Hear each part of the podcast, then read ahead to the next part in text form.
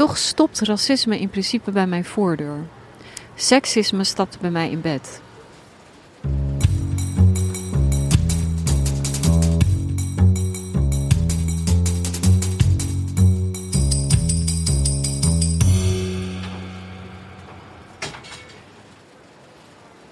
Welkom bij Celgesprekken over Vrijheid, een podcastserie van de Bali. We nemen deze gesprekken op vanuit de installatie Chilifri, Prison of Thought. Het kunstwerk staat midden op het Leidseplein in Amsterdam en is een replica van de cel van de Turkse journalist Can Dündar, die gevangen werd gehouden omdat hij kritisch bericht over het regime van president Erdogan. Mijn naam is Gatol Katawazi en ik ga vandaag in gesprek met Naida Arangzeb, presentator en schrijver. Naida, welkom. Hey, dank je. Hoe vind je het om in deze cel te zitten? Het is vandaag koud. Het is koud. We zitten helemaal ingepakt voor alle luisteraars. Drie dekens, twee uh, vesten, dankzij jou. Um, het eerste wat me opvalt, ook als ik nu om me heen kijk, is hoe kil het is. Ja. En alles is... Uh, dus er staat een wasbak, zo'n hurktoilet, nog een ander blok waarvan onduidelijk is wat het is. En alles is van beton, is het hè? Ja. ja. ja. Grijs beton. Grijs beton. Um, en het is, ik moest denken, het is echt in steen gebeiteld. Dus als je hier zit, heb ik het gevoel, oh, hier kom je dus nooit meer weg. Ja, ja.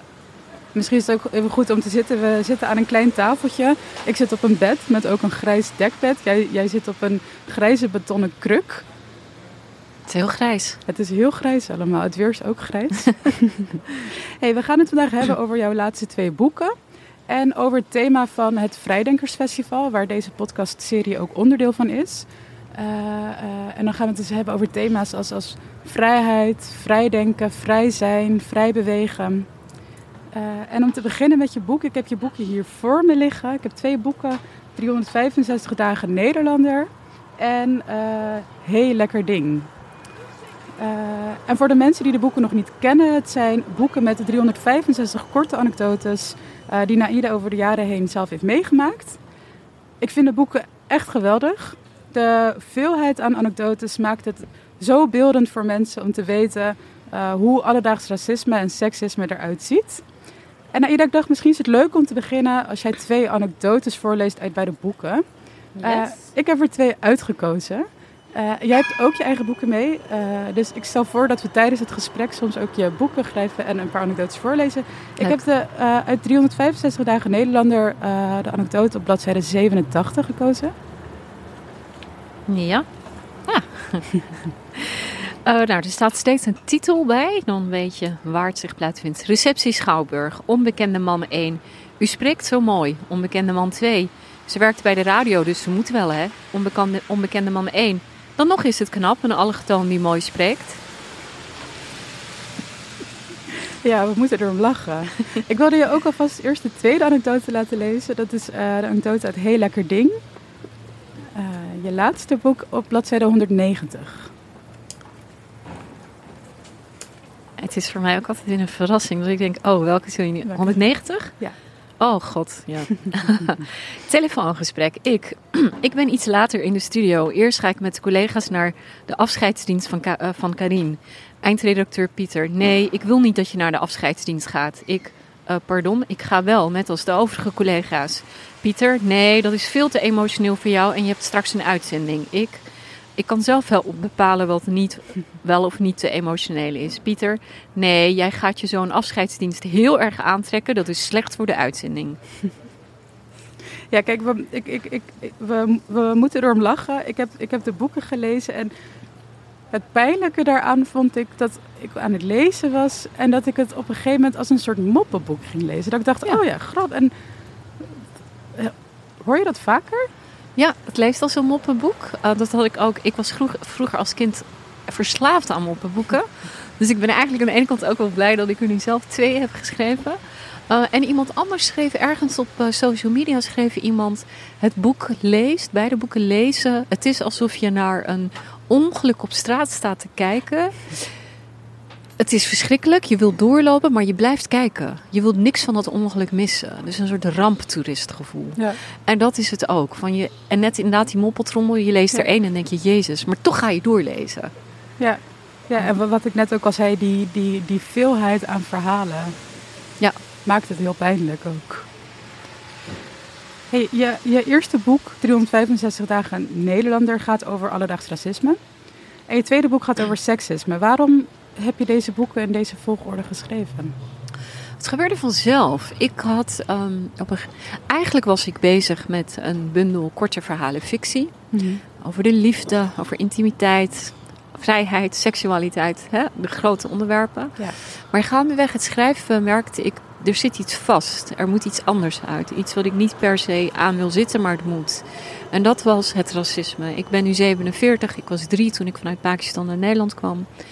Um, nou, dat is bijna 45 jaar aan, aan indrukken, aan stemmen, aan dingen die gezegd zijn, dingen die je hebt ervaren. Dat moest eruit. Niet alleen voor mezelf, uh, maar voor iedereen in het land. Hoezo nu? Hoezo nu? Omdat um, deels ik nu eindelijk de leeftijd heb bereikt waarop ik denk, jongens, nu is het wel klaar. En ook omdat het, het tijd waarin we leven er klaar voor is. In de naweeën van Black Lives Matter. Black Lives Matter heeft mij ook taal gegeven. Heeft mij uh, mijn groen licht gegeven om serieus te nemen wat ik al die jaren al voel. Heb je dat eerder niet gedaan dan? Jawel, ik heb het wel gedaan. Ik, ik, bedoel, ik zou ook mezelf tekort doen als ik zou zeggen dat ik het nooit heb gedaan. Ik heb het wel degelijk gedaan. Maar altijd met een soort valse loyaliteit. Van ja, natuurlijk is Nederland een mooi land en ik woon hier en ik hou van het land. Dus als ik hou van het land mag ik niet te kritisch zijn. Same met seksisme. Ik hou van mijn vader, ik hou van mijn broers, ik hou van mannen waar ik verliefd op word. Dus mag ik niet te kritisch zijn. Dat noem ik valse loyaliteiten. Uh, want dat is geen liefde. En de tijd voor die valse loyaliteit is voorbij. Omdat ik van Nederland hou, omdat ik Nederlandse ben, omdat ik Europese ben dat dit het enige thuis is wat ik heb en mhm. wat ik ook, waar ik ook heel blij mee ben. Mag ik me uitspreken? Moet ik me uitspreken? Juist als je van elkaar houdt, moet je elkaar de spiegel durven voorhouden. Dus het boek moest. En toen ik bezig was met 365 dagen Nederlander, met het verzamelen van die verhalen. Ik denk dat ik na een paar pagina's uh, had ik wat anekdotes opgeschreven. En dan, uh, nou, dan leg je het op een gegeven moment weg. En toen ging ik nadenken en dacht ik, ja maar Naida, als je heel eerlijk bent, deze anekdote is inderdaad niet oké. maar dat, die heeft niets met je, met je um, kleur te maken of met je achtergrond of je religie, maar alles met je seksen. Dus al vrij snel zag ik dat behalve uh, al die racistische opmerkingen die ik heb gekregen en die in mijn lijf zijn gaan zitten, ook het seksisme, de seksistische opmerkingen in mijn lijf zijn gaan zitten. Dus meteen was het idee geboren dat er na 365 dagen Nederlander ook 365 dagen vrouw moest komen. Ja, zie je daar een verbinding tussen? Tussen het seksisme en het racisme? Um, ja, zeker in, in, in, in, mijn eigen leven natuurlijk. Ik ben vrouw en ik ben een vrouw van kleur. Dus eh, ik heb met alle twee te maken. Um, maar er zit ook iets raars in. Want toen ik klaar was met, met 365 dagen vrouw besefte ik dat hoe erg ik racisme ook vind en ik weet hoeveel mensen er onder lijden en ik er zo lang onder heb geleden en soms nog steeds leid, toch stopt racisme in principe bij mijn voordeur. Seksisme stapt bij mij in bed. Hoe bedoel je dat? Racistische mensen die dus in principe, als het goed is, in de meeste gevallen zijn we als we naar huis gaan, en met we bedoel ik mensen van kleur. Als je naar huis gaat, zit je met je eigen mensen. Mhm. En uh, kun je dat racisme buiten de deur laten. En kun je een soort van veiligheid samen zijn. Maar met seksisme zit je thuis en je vader roept wat. Je broers roepen wat. Je man, je geliefde roept mhm. wat. Als je een zoon hebt, dan komt hij op een gegeven moment op een bepaalde leeftijd dat hij ook dingen roept. Ja. Uh, want mannen zijn er altijd. Mannen zijn onze familie. Mannen zijn de mannen waar we wel of niet van houden. Die kun je niet buiten de deur zetten. Dus als je met een uh, bijvoorbeeld, ik heb zelf, ik ben, uh, nou, het is nu een leven geleden was ik getrouwd. Het is mijn twintigste en mijn dertigste. Um, en in dat huwelijk was ook heel veel wel fijn, zoals dat gaat in het leven. Maar het was ook een emotioneel en fysiek gewelddadig huwelijk. Mm -hmm. En um, het seksisme van hem, wat ook leidde tot het geweld richting mij. Uh, ja, daarmee lag ik in bed. Ja. Daarmee zit ik aan de eettafel. Ja. Dus het is heel heel intiem. En ik heb van vrouwen die het boek, het eerste boek hadden gelezen, Vrouwen van kleur, en die het tweede boek lazen, Die zeiden, weet je, bij het eerste was het al erg, maar dit tweede ga ik niet eens aan beginnen. Dit doet zoveel meer pijn. Ja. En bij het eerste boek ehm, kreeg ik van eh, gekleurde Nederlanders van... jee, dit is mijn verhaal en dankjewel. En hè, dit is wat, wat wij ook meemaken. En witte Nederlanders die zeiden... goh, je, het, het is een spiegel, het is pijnlijk, maar dankjewel. Dit tweede boek, dat vind ik ook wel fascinerend. Het zijn vooral witte vrouwen die reageren. En die zeggen, vrouwen van mijn leeftijd... dus vrouwen tussen de 40 en 50, die zeggen... Jeetje, ik heb te lang heb ik het gebagatelliseerd. Ik heb te lang mijn ogen gesloten voor seksisme in ons land. Ik heb te lang gedaan alsof het wel oké was. En door jouw boek geef je mij toestemming om werkelijk te voelen dat het eigenlijk al heel lang niet oké is. En jonge vrouwen van jouw generatie, Mhm. en dan met name jonge witte vrouwen, die komen en die zeggen: Ja, wat je schrijft, daar maken wij mee. Wij, ik hoorde nu net een, een jonge vrouw die zei: Ja, 23, eh, klaar met studeren, werkte net, woont in Utrecht, overbuurman, een jongen van 26, haar generatie. Je bent buren. Ja. En hij zegt op een gegeven moment, een paar weken geleden tegen haar: eh, Kom je een keer bij mij thuis thee drinken? Zij zegt ja. En voor hem betekent ja zeggen: Ik kom thee drinken. Dat dat dus ook betekent dat je natuurlijk wel met hem wil vrijen. Ja. En zij vertelde dat terwijl ze daar zit. Kijk, meestal als er iets gebeurt wat we niet willen, of je gaat vluchten of je gaat vriezen. Of je gaat vechten.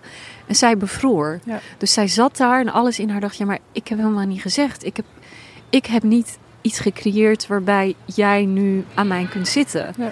En toch kon ze niks. Ja. Ehm, en dit gebeurt. Dit zijn twee hoogopgeleide. Bij heel veel vrouwen. Dit zijn Ja. twee hoogopgeleide mensen die wit zijn. Van die mensen waarvan wij denken: oh ja, maar dat is niet de groep die seksistisch is of gewelddadig is. Maar het zit, het, het, het zit hem overal in. En hoezo, want je zegt net, ik kreeg op mijn laatste boek, eh, boek vooral reacties van, van, van witte vrouwen. Hoezo is dat, denk je? Nou, dat is mijn theorie is, of mijn observatie is dat ehm, eh, ik ben midden 40. Ik groeide op met witte vrouwen om me heen, waarvan de moeders een fulltime baan hadden of een parttime. Eh, hun oma's soms al een eerste baan hadden. Dus eh, vrouwen die konden studeren, die vriendjes konden hebben, die vrijheid hadden. Want die vrijheid was bevochten door hun oma's en door hun moeders. Ja. Maar zij hadden ook zoiets van, oh ja, maar we kunnen alles toch? Dus ze hadden vaak ze, ja, we zijn Afghanistan niet. En daarmee van, hier kan alles en we zijn allemaal vrij. Ik groeide op als Nederlands-Pakistaanse jonge vrouw, als dochter van migranten in Rotterdam. Met ouders die het wel goed bedoelden, maar die ook bang waren in dit nieuwe land. Alle regels niet kenden. Als het aan mijn ouders had gelegen, heeft mijn moeder me wel eens verteld. Dan hadden ze me na de lagere school thuis gehouden, omdat ze bang waren voor, voor die middelbare school. Ja. Lang leven de leerplicht, dus ze konden me niet thuis houden. Ehm, dus ik moest alles bevechten. Ja. Dus voor mij was, dus we hebben het over vrijheid. Voor mij was, ik heb moeten vechten voor die vrijheid. Ja. Want anders was ik op mijn achttiende uitgehuwelijkt aan een neef in Pakistan. En had ik nu naast mijn ouders op de, bij hun op de galerij gewoond. En had ik wel mogen werken, een 9 tot 5 baan als ambtenaar. Ook niks me- mee, maar dat is niet wat ik wou. Nee. Ik heb het moeten bevechten, maar gaandeweg zag ik dat het een eenzaam gevecht was. Want de meeste van vrouwen van kleur, of de vrouwen om mij heen, niet iedereen um, was willing to fight the fight. Omdat de, dat, prijs, omdat de prijs hoog is. Wat is de prijs? Die is voor heel veel verschillend. Ik, heb, ik kom uit een generatie waarin ik veel vrouwen van kleur heb als vriendinnen. voor wie de enige optie was weglopen. dus weggaan van huis was de enige oplossing. Onderduiken, omdat er geweld was. Ehm, op mijn, voor mijn 25ste eh, was ik al eh, ja, een paar vriendinnen verloren door femicide. Om het geweld om leven gebracht. Door hun vaders, broers, partners, ex-partners. Ehm, dus ja, ik heb in mijn omgeving gezien dat vrijheid betekent. ehm, bijvoorbeeld, een van mijn vriendinnen is om het leven gebracht toen zij, 22, toen zij 22 was en ik 23. Omdat zij een spijkerbroek aan wou. Ja. En een vriendje wou. Ja. Of gewoon jong, vrij wou zijn. En zij is om het leven gebracht. Zij leeft gewoon niet meer. Klaar. Ehm, en wat was haar zonde? Dat zij de vrijheid wou die haar broers wel hadden. En zij leven nog steeds. Ja. Ehm, dus dat is wat ik om me heen zag. En het was eenzaam omdat die witte generatie vrouwen, of die vrouwen van mijn generatie toen dacht het werk is gedaan. Ja. En op een gegeven moment toen ik een soort van de strijd tegenover mijn eigen ouders wel had gewonnen en kon studeren en kon trouwen met wie ik wou, et cetera. toen ging ik zien, want als je leert zien kun je nooit meer niet zien. Nee. En ik heb natuurlijk heel jong leren zien waar is gelijkheid en ongelijkheid. In mijn eerste boek staat bijvoorbeeld biologie in 365 dagen Nederlander. Quote ik biologieles Rotterdam. Biologiejuf, kijk allemaal even naar Naida. Dit noem je een olijfkleurige huid. Dat betekent mooi in de zomer, lelijk in de winter. Toen was ik 12. Um, buurmeisjes Sandra en Linda. Hey Naida, mogen we jouw kleren lenen voor carnaval? De mooie Afghaanse jurken met de spiegeltjes, je kent Ja, ze wel. ik ken ze. En nu betaal je er 300 euro voor mensen in een leuke boutique in Amsterdam. Niet voor carnaval. Dus ik heb heel jong leren zien van waar, wat gebeurt hier? Ben ik hier gelijkwaardig? Niet? Ben ik hier veilig? Dus op een gegeven moment ging ik zien dat in die witte Nederlandse samenleving, bijvoorbeeld in Hilversum waar ik werkte, Ja. of als ik de televisie aandoe, als ik naar de Tweede Kamer kijk, de kranten, de straat, het valt wel mee. Sterker, het valt tegen. Hoezo? Nou, kijk, het is die, die ehm, dubbelheid. Dus aan de ene kant is het, ja, ik zeg altijd, aan de ene kant is het bedek je borsten en aan de andere kant is het doe iets uit, trek iets uit. Eh, aan de ene kant, bijvoorbeeld de anekdote die we net voorlazen. Het is heel ja, grappig dat je die koos over die begrafenis. Ik mocht dus van mijn eindredacteur niet naar die begrafenis, want volgens hem kon ik daar niet tegen. Ja. Dat besluit hij even voor mij. In de islamitische cultuur is het zo dat in sommige families vrouwen niet naar begraafplaats mogen. Daar heb ik ook een anekdote Ja. van. ja, Kunnen we wel die- even erbij pakken. Misschien Ja. is dat ook... eh, pagina 18. Oh, grappig dat op 18 staat. Dat wist ik niet. Heb ik hem vrij... Want die is namelijk... Ik, ja, nou, hier komt hij. Terrascentrum Den Haag. Ik. Het blijft toch een vermoeiend gevecht. Het vrouw zijn. Kennis Jasser. Wat bedoel je daar nou weer mee? Ik. Ik mocht gisteren niet bij de begrafenis van een dierbare vriendin zijn... omdat een vrouw niet op de begraafplaats thuis hoort. Dat soort argumenten bevechten is zeer vermoeiend. Jasser. Jij leeft in het verleden, Naida. De islam is veranderd. Jij zit vast in een oud trauma. Ik. Eh, dit was gisteren op begraafplaats Kijkduin. Jasser, ik was er ook en er was niets aan de hand. Ja, ik, ik, ik, ik vind het interessant hieraan dat je op zo'n jonge leeftijd al onvrijheid hebt meegemaakt. Binnen je eigen gemeenschap, in je privésfeer th- thuis. Je bent op een gegeven moment, je hebt, je hebt voor je eigen vrijheid gevochten. Je bent het huis uitgegaan, je bent gaan werken. En je kwam in een hele nieuwe omgeving waar je weer op hele andere manieren onvrijheden tegenkwam. En daar wil ik het zo verder over hebben. Maar wat mij, wat mij opviel in het boek is dat het vooral ging over die, die nieuwe omgeving waar je in terecht bent gekomen. En veel minder over, over, over, over toen. Over toen je jonger was, toen je het huis uitging. Toen je, toen je daar voor je vrijheid of toen je daar voor je vrije, vrije, vrije wil over je eigen lichaam hebt gevochten. Had dit boek er anders uitgezien als je het twintig jaar geleden had geschreven? Heel lekker ding. Je bedoelt dat in heel lekker ding. eh, Kijk nog even over die begrafenis. Ik kom zo Ja. over die begrafenis. Het is even die twee kanten. Dus aan de ene kant mag je van een cultuur, zegt men, niet naar een begraafplaats als vrouw, want vrouwen kunnen zich niet inhouden, hun emoties. Er zijn moslimvrouwen over de wereld die dat prima vinden. Maar er zijn ook moslimvrouwen die daaronder lijden, die wel graag naar de begraafplaats willen. Ja. Dus dat is het gevecht. En aan de andere kant heb je een witte Nederlandse eindredacteur bij een linkse omroep. Ja. Die mij verbiedt om naar de begrafenis te gaan van een collega. Want hij bepaalt dat ik daar niet tegen kan, omdat ik een vrouw ben en dan emotioneel word op de radio. Ja. Dus in de kern blijft het hetzelfde. Dat is wat ik, wat ik, waarom ik die twee aanhaal. Uh, dus omdat ik dat eerste gevecht weet, namelijk vechten om naar een begraafplaats te kunnen gaan binnen de islamitische cultuur, zie ik het wanneer zo'n witte Nederlandse linkse eindredacteur ja. mij weerhoudt van iets. Ja. Dus bij mij gebeurt hetzelfde. Dus dat is dat zien. Als je eenmaal leert zien, kun je niet meer niet zien. En dan naar jou. Je hebt het idee dat in het tweede boek te weinig anekdotes staan vanuit. Uh... Nou ja, niet, niet per se te, te weinig. Um, maar ik, uh, dit verhaal wat je, wat, je, wat je me nu vertelt over toen, dat, dat voel ik er minder in terug. Maar ik heb, en corrigeer me als ik het niet juist heb, het gevoel dat dat, dat, dat misschien zo is omdat je je daar al uitgevochten hebt. Um...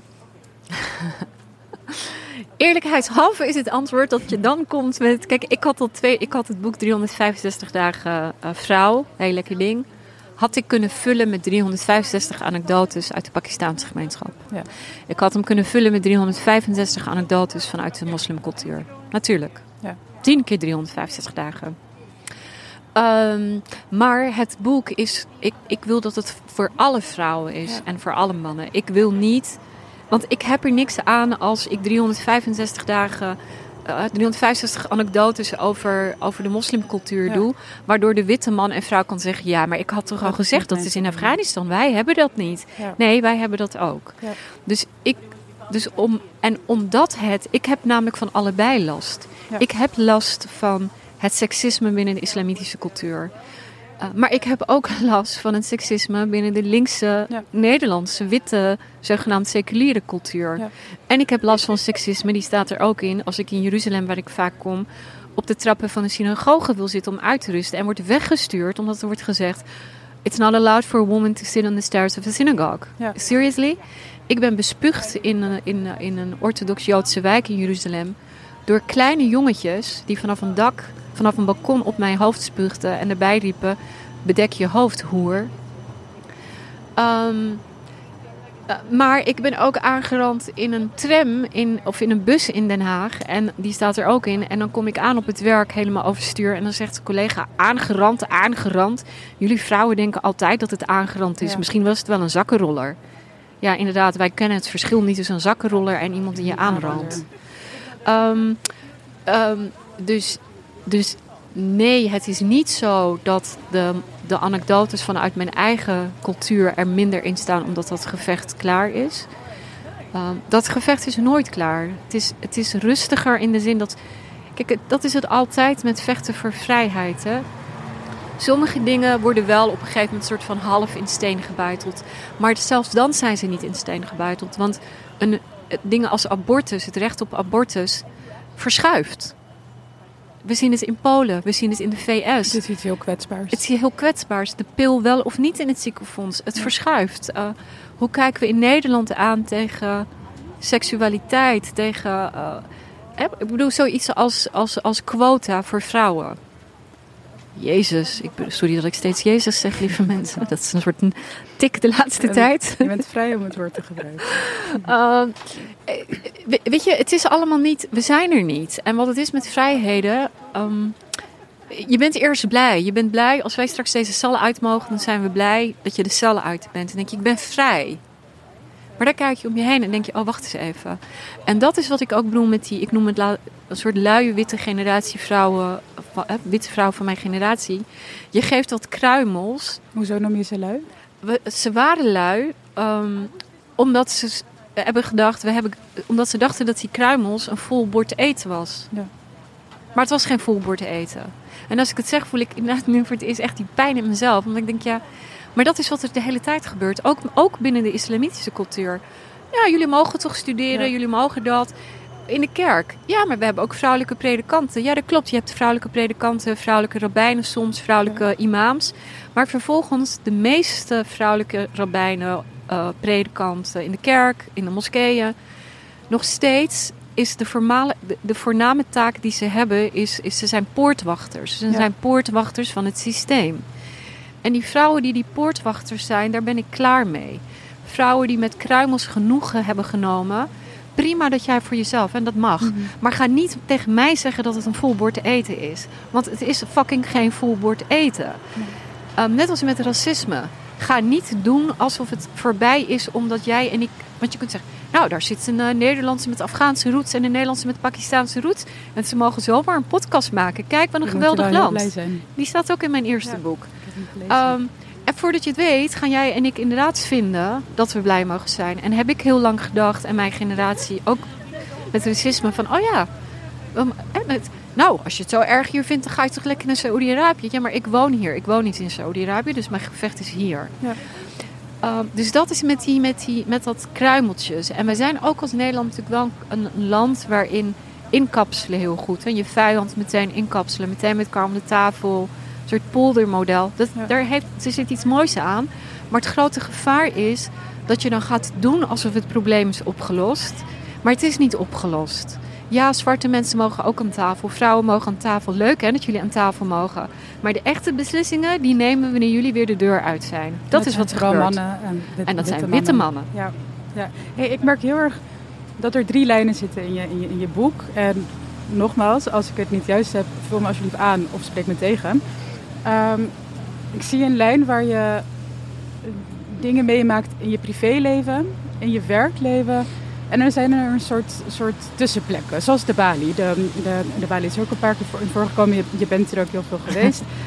Uh, en je bent natuurlijk ook een publiek figuur, maar ik kan me voorstellen dat, dat alle vrouwen dit in die drie lijnen zo meemaken. En het komt over alsof, alsof er steeds andere mensen zijn, vaak mannen, die jou er steeds weer op wijzen wat jij zou moeten doen. Ze, ze, ze, ze dringen jou een, een, een beeld op van wie jij moet zijn omdat je een vrouw bent, omdat je een vrouw van kleur bent. Hoezo is dat zo? Hoezo, hoezo is dat altijd nog zo tegen vrouwen gericht? Denk jij? Uh, je, je, je, uh, wat je zegt klopt. Het zijn inderdaad die drie lijnen. En ik zou alle vrouwen willen uitnodigen ook om naar hunzelf te kijken en die drie lijnen te zien in je eigen leven en te voelen. En naar mannen ook om op die drie lijnen te letten. Want mannen doen het thuis, bij hun vrouwen, bij hun dochters. En mannen doen het wanneer ze naar hun werk gaan met hun collega's en ze doen het op straat. Dus die lijnen kloppen. Waarom?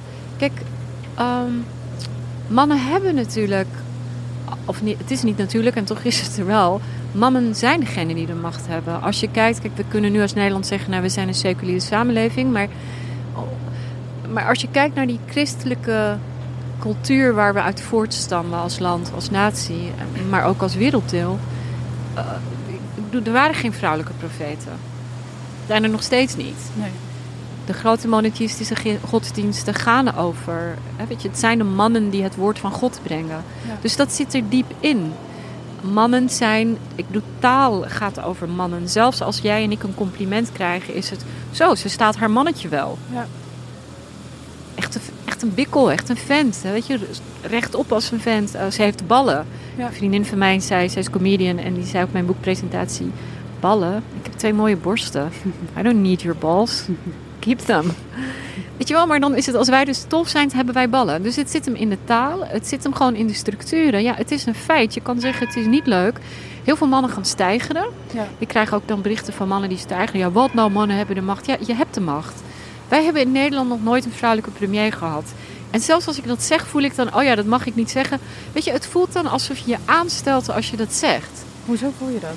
Ja, omdat dat natuurlijk, omdat het niet. Hoe vaak zeggen wij dat? Gaan, zijn wij ooit, ooit de straat opgegaan in Nederland? Zijn wij op de straat opgegaan om te protesteren tegen het feit dat er nooit een vrouw is als premier?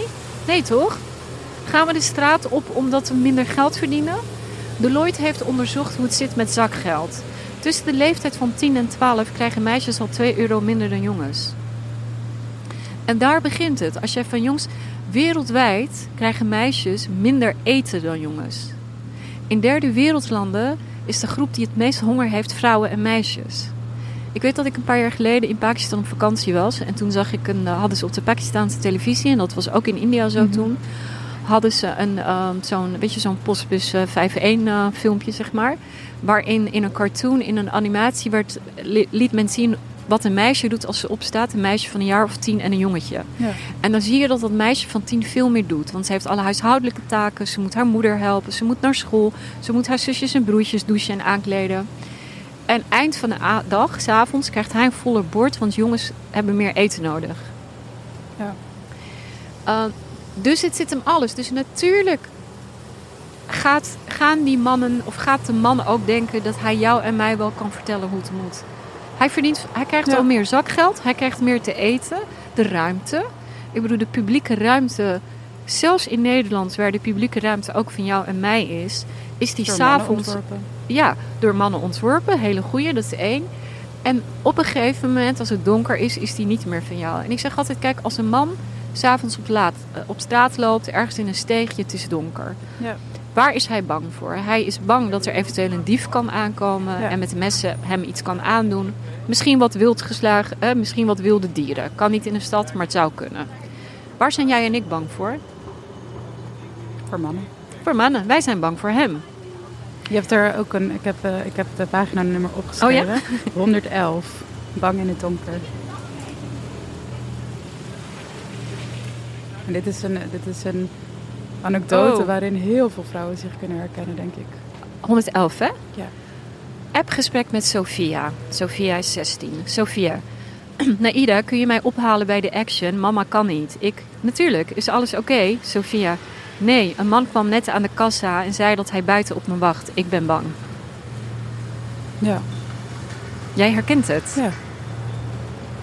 Ik denk heel veel vrouwen. Ik heb ook vaak zulke appjes gekregen en ik heb ook wel vaker appjes gestuurd. Ben je al thuis? Ik kijk naar je Ja. het is verschrikkelijk. Ook omdat ik... Hey, wat, mij, wat, mij, wat mij ook heel erg opviel, ik heb een paar eh, anekdotes opgeschreven. ehm, die we misschien eerst allemaal voor kunnen lezen. En dan eh, zal ik daarna mijn eh, analyse erop loslaten. 31. En dit is uit eh 365 Oh, nee, dagen Nederlander. Uit, uit Uit- Heel Lekker Ding. Ah, uit heel lekker ding? Ja. Oké. Eh, 31. Redactievergadering NPO Radio 1 Hilversum. Ik. Voor de uitzending over posttraumatische stress zoeken we nog gasten. Redacteur Johan. Dat wordt vast een uitzending vol met vrouwen. Ik. Hoezo? Johan, wij mannen zijn niet zo vatbaar voor die trauma, trauma-dingetjes. Jullie zijn daar van nature veel gevoeliger voor. 51. Telefoon, nee, redactievergadering NPO Radio 1 Hilversum. Eindredacteur Pieter. Geef Naida de softe onderwerpen. Ik, wat is dat voor een opmerking? Pieter, ik bedoel er niets mee. Jij bent gewoon goed in softe onderwerpen. De meeste, mannen zijn daar beter, de meeste vrouwen zijn daar beter in dan mannen. Ik, softe onderwerpen. Pieter, ja, boeken, persoonlijke verhalen, emotie. En 53. Redactievergadering NPO Radio 1 Hilversum. Ik. Voor het onderwerp over ongewenste kinderloosheid moeten we ook nog een man uitnodigen. Redacteur, redacteur Mo. Dat is niet nodig. Jullie vrouwen hebben allerlei emoties bij ongewenste kinderloosheid. Mannen hebben dat niet zo. Wat mij, wat mij opviel, is dat ik, een, dat ik het bijna zielig vond voor de man toen ik dit las. Dat de man hier slechter van afkomt dan de vrouw. De, de man die geen emoties kan tonen. En de vrouw die dat wel kan en dat wordt als een zwakte gezien. Hoe, hoe kijk je ernaar? trieste is dat de eerste die ik voorlas van die collega Johan... Ja. die zei van dat het niet nodig was om eh, mannen... Hè, mannen geen last hadden van posttraumatische stress... die zit op dit moment, as we speak... met een zware depressie en burn-out thuis. Het, het, het kan natuurlijk ook niet dat mannen geen last hebben van PTSD. Dus het eerste, toen ik het... Ik vond het ik vond het heel zielig voor hem. Ja. Maar ik dacht wel... Ik dacht, ja gast. Serieus?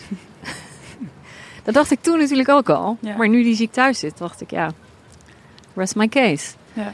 Het is heel triest, want ook omdat ze daarmee elkaar klein houden. Want als er, dus als dat op een redactie wordt geroepen, die ene man die wel allerlei depressieklachten heeft en allerlei emotioneel gedoe heeft, die houdt ook zijn mond. Nou ja. Want je hoort al die andere mannen zeggen, nou, eh, posttraumatische stress, echt iets voor die wijven, niet voor ons. Dus als jij er als man tussen zit, dan ga jij niet zeggen van, nou jongens, eh, ik heb ook wel last van dit en dit. Ja.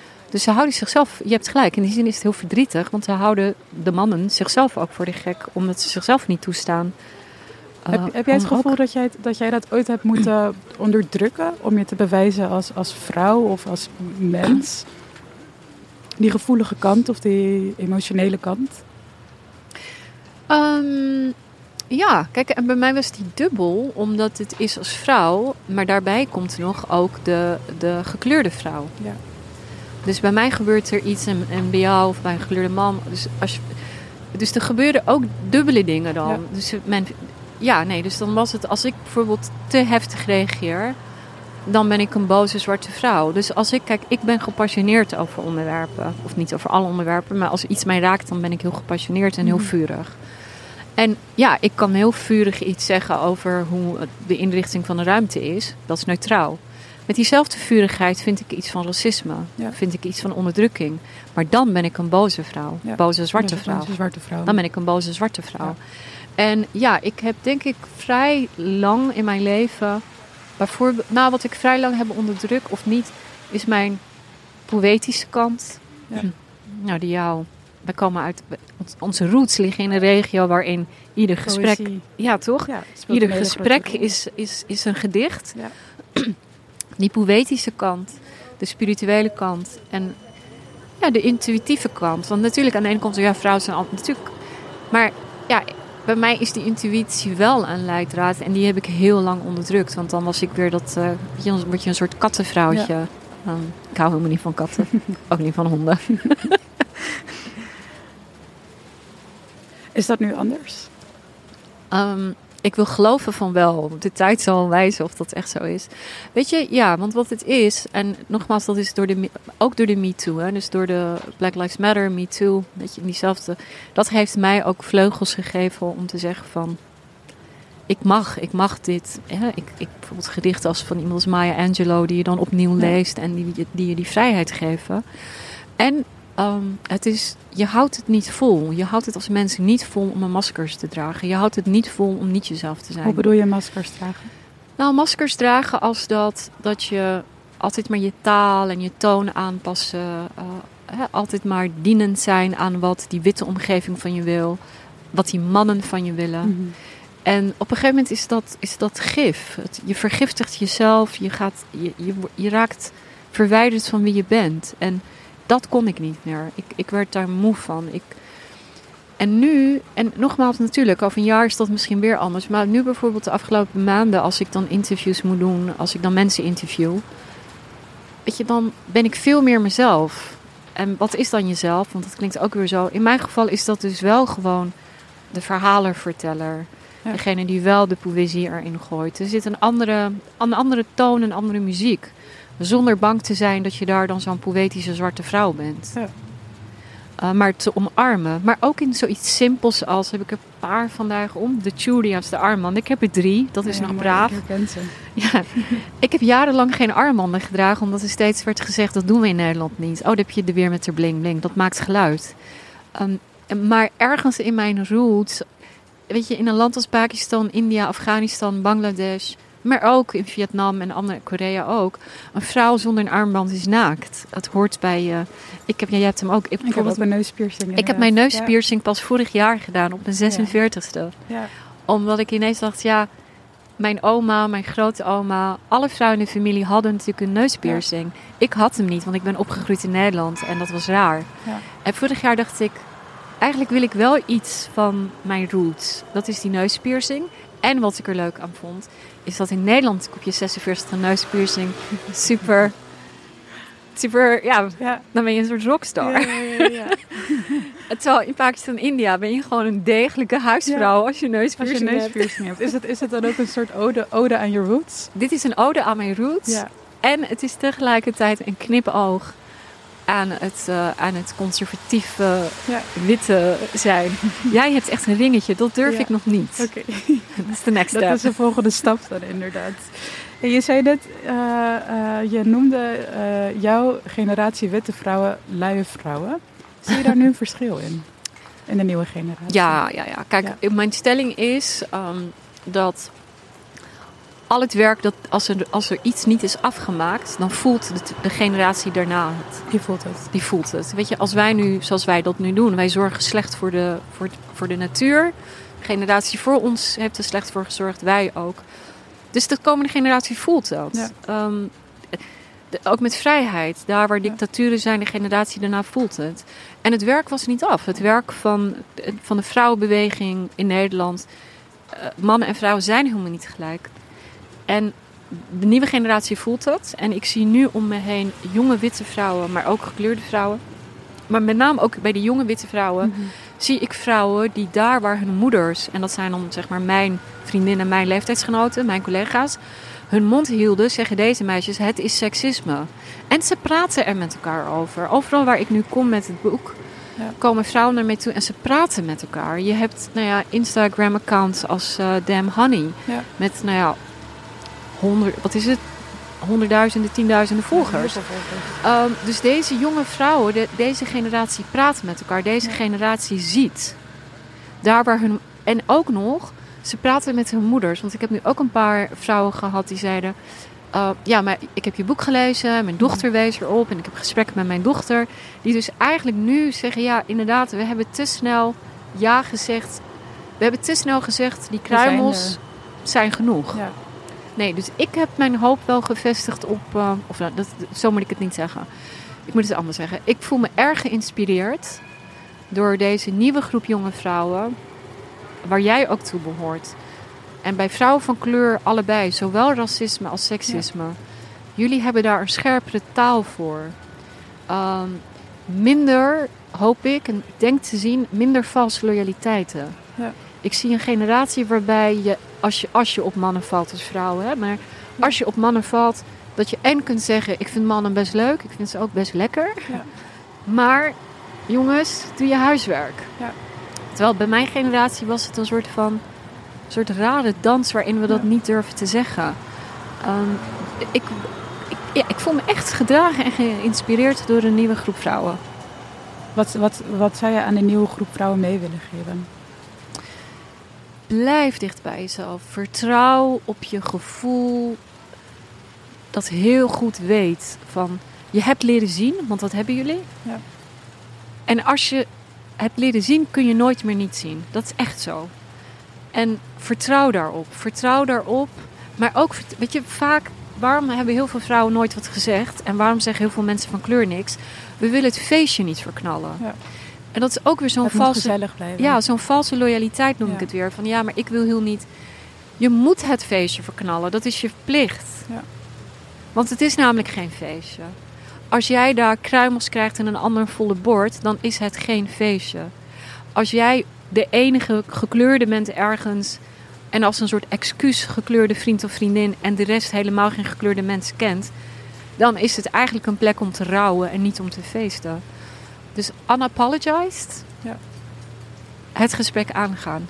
En je niet laten wijsmaken dat je een, dat je dus, ge, weet je, onderwoord dat ja, je bent, A is boos, er is niks mis met boosheid. Mhm. Boosheid, het is raar als je niet boos wordt waar onrecht Het is. is een emotie. Precies.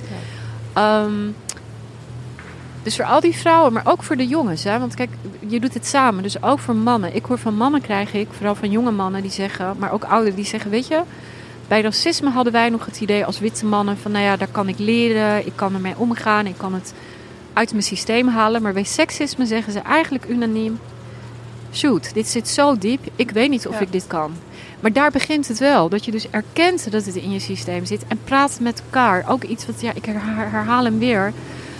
Ga in een ruimte staan en vraag aan vrouwen. Hoeveel van jullie hebben wel eens ehm, nou ja, te maken gehad met seksuele intimidatie, met geweld, al dat soort dingen. De vingers gaan omhoog.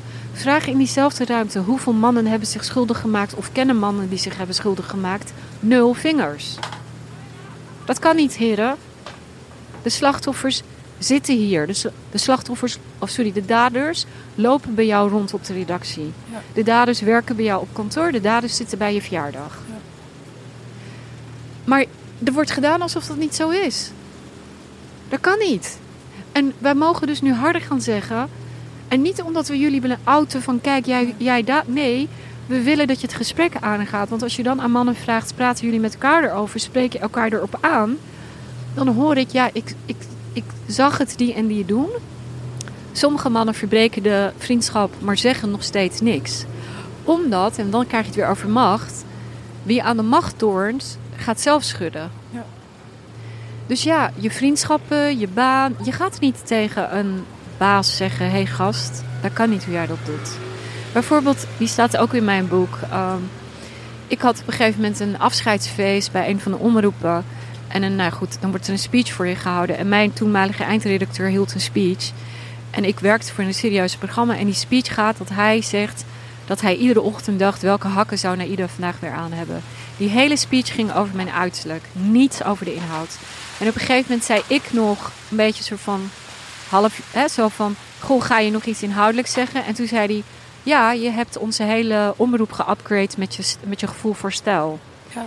En die hele tafel was stil. Achteraf hebben collega's mij gebeld en gezegd... ja, we vonden dat echt niet kunnen, we vonden het naar. Ze hadden eigenlijk op dat moment... Maar niemand durft op dat moment. Nee. A, omdat ze het feestje niet willen verknallen. En B, je niet tegen je leidinggevende gaat zeggen... Hé hey Klojo, hou eens even je bek en doe normaal. Met een impopulaire mening. Precies. Ja. Hey, het lijkt me heel mooi om hier de podcast mee af te sluiten. Het gaat lekker intussen Ja. hier. Het Ja, regent. Het gaat intussen regen, het druppelt ook naar binnen. Uh, Neda, heel erg bedankt. Alsjeblieft. En jij super, super bedankt. Graag gedaan.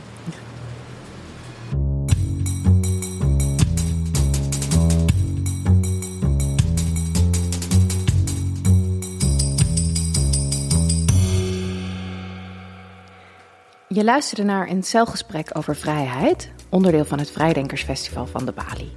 Al onze andere programmering, met onder andere Jan Doendar en Massi Alinejad, is online terug te zien via YouTube of onze website. Bedankt voor het luisteren.